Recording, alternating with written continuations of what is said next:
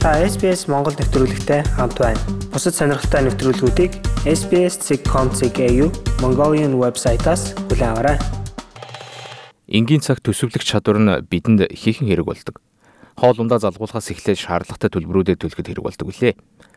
Харин COVID-19 цар тахлын нөлөөнд хамгийн их нэрвэгдсэн хүмүүс болох түр оршин суугчид болон олон улсын оюутнуудын хувьд энэ цаг үеийг давж гарах нь цорын ганц зорилго нь болоод байна гэдгийг үндэсний өрийн асуудлаар тусламж үзүүлэх төвийн санхүүгийн зөвлөх Кейн Джонсон хэлсэн юм. Бид нар ямар ч орлогогүй болсон хүмүүс их залах болсон. Тэдний хувьд өдөр тутмын шаардлагатай зүйлс болох хоол хүнс түрээс зэрэгээ залгуулж чадахгүй байна.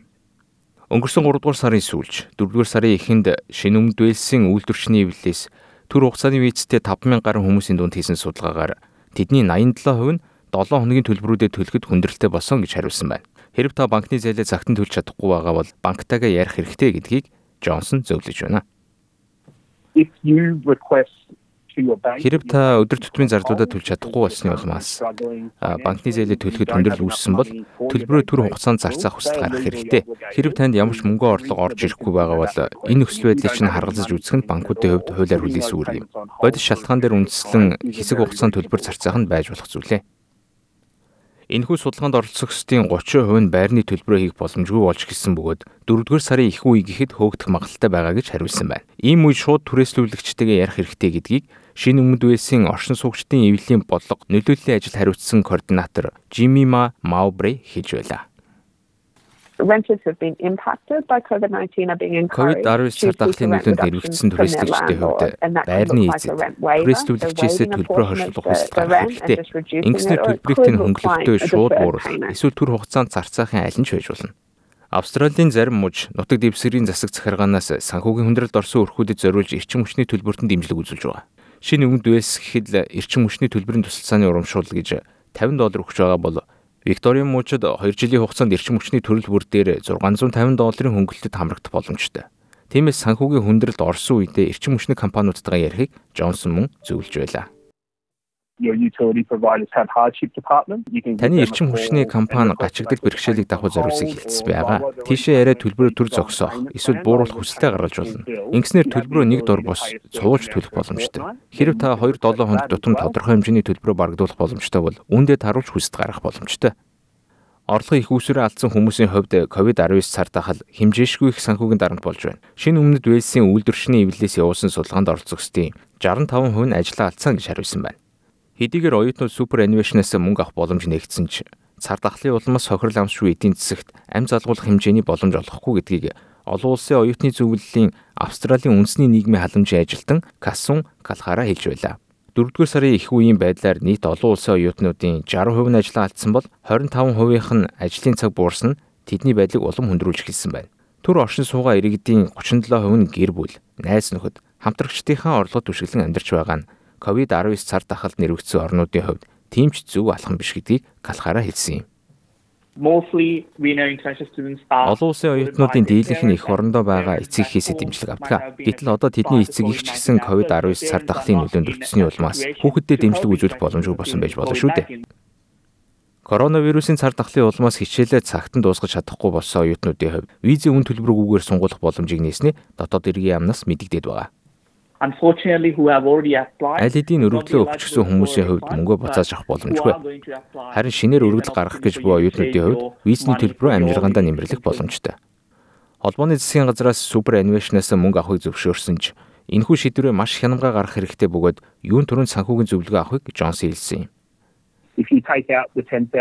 Хэрв та супер анимашнаас 100000 доллар авч байгаа бол урт хугацаанд маш ихийг алдаж байна л гэсэн үг. Харин ямар ч орлогогүй болсон хүмүүс энэ хүнд цаг үеийг давахын тулд мөнгө авч байгаа бол бодож үзэх сонголтын нэг юм. Австралчуудын хувьд супер анимашнаас 2 удаа мөнгө авч болохоор байгаа. Нэг нь 6 дугаар сарын 30-наас өмнө, нөгөө нь 12 дугаар сарын 31-ээс өмнө мөнгө авч болно. Харин төр зургийн оршин суугчдын хувьд 2019-с 2020 оны санхүүгийн жилдээ багтаан ганц л удаа супер анимашнаас мөнгө авах боломжтой. Санхүүгийн хүндрэлд байгаа хүмүүсийн хамгийн сүүлд хүсэх зүйл бол өндөр хэмжээний торгуул юм. Шинэ өмнөд эрх зүйн тусалцааны төвийн туслах менежер Линда Мейнс дараах тайлбарыг өгч байна. Олон нийтийн эрүүл мэндийн дэг журмын тухай нэмэлт хуультай болсон. Хэрв хууль зөрчвөл 1000 долларын торгуул ногдуулж байгаа. Англиар ярьдгүй хүмүүс нэг ялангуяа Сиднейн төв болон баруун хэсгээр маш олон тооны хүмүүс торгуул ногдуулсныг бид харсан. Шинэ өмнөд Вэлсийн ажил ба дэг журмын хөтөлбөр нь хэрэгжиж эхснээсээ хойш 10 гаруй жилийн өрөг үзэж байна. 2000 гаруй хувь олонд үйлчлэх байгууллагуудыг холбосон энэ хөтөлбөрийн хүрээнд хүмүүс торгуулаа мөнгөөр бус сайн дурын ажил хийх зэрэгээр барагдуулах боломж олгодог юм. Үүнтэй адил хөтөлбөрч босод мууж болон нутаг дэвсгэрт үйлчилж байгааг нь. Хүн дэлбэрийн санхүүгийн бэрхшээлтэй хүмүүс эсвэл сэтгэл мэдрэлийн өвчтөй хүн зэрэг шалгуурт нийцсэн хүн бүрийн хөтөлбөрт орсноор торгуулаа барагдуулах боломжтой. Үүнд ямар нэгэн дээд болон доод торгуулийн хэмжээг заагаагүй. Infox Change бол Ask Easy захимал авлахыг эрхэлдэг технологийн компани бөгөөд Австрали улс даяар нийт 300 мянга гаруй нийгмийн үйлчлэгийг хүмүүст ойртуулж байгаа юм. Харин коронавирусын цар тахлын үеэр төр зүрийн шилжин эрхчдээс хүсэлт гарах байдал огцом нэмэгдсэн болохыг тус компани гүйцэтгэх захирал Дэвид Спригс хэллээ. Ер нь хүмүүс Австралийн ихээхэн яривхтай нийгмийн үйлчилгээний систем донд зүг чигээ олохыг хичээдэг. Цар тахлын үеэр хүмүүс үнгүй хоолтой эсвэл хүнсний багц олгож байгаа. Эсвэл өөр төрлийн материалын тусалцаа үзүүлдэг нийгмийн үйлчилгээнүүдийг хайх нь нэмэгдсэн. Мөн санхүүгийн тусалцаа хүссэн иргэдийн тоо нэмэгдэж байгаач бид харж байна. Австралийн санхүүгийн аюулгүй байдлын захиргаанаас зээлдүүлэгчдийн зүгээс 5-аас 20 мянган долларын зээлтэй хүмүүсийн эсрэг албан үр төлөвлөх хүсэлт гаргахад шаардлагатай өрийн хязгаарыг нэмэгдүүлээд байгаа. Гэхдээ энэ бол цорын ганц сонголт биш гэдгийг Джонс хэлж байна. Бүх сонголтоо судалж үзэхгүйгээр ямар нэгэн зөвлөгөө авалгүйгээр шууд дампуурлаа зарлах нь сайн сонголт биш ээ. Дампуурлаа зарлах гэж буй хүмүүс бидэнтэй ярьсны дараагаар тэдэнд илүү дээр сонголтууд байгааг мэдсгэдэг нь бидний хувьд байнгын үзэгдэл болсон. Хэрэг та үн төлбөргүй санхүүгийн зөвлөгөө авахыг хүсвэл даваагаас баасан гарагийн өглөөний 9 цаг 30 минутаас 16 цаг 30 минутын хооронд 18 тик тик тик тик 7 тик тик 7 гэсэн дугаараар үндэсний өрийн асуудлаар тусламж үзүүлэх төвтэй холбогдоорой. Мөн 13 14 59 дугаар залгаснаар та үн төлбөргүй орчуулах үйлчилгээ авах боломжтой. Австрали улсад амьдарч эхлэх гэж байна уу? Хэрэгтэй мэдээллийг SBS.com.cg юу? Урагшаа зураас Mongolian хуудасаас хүлээн авах нь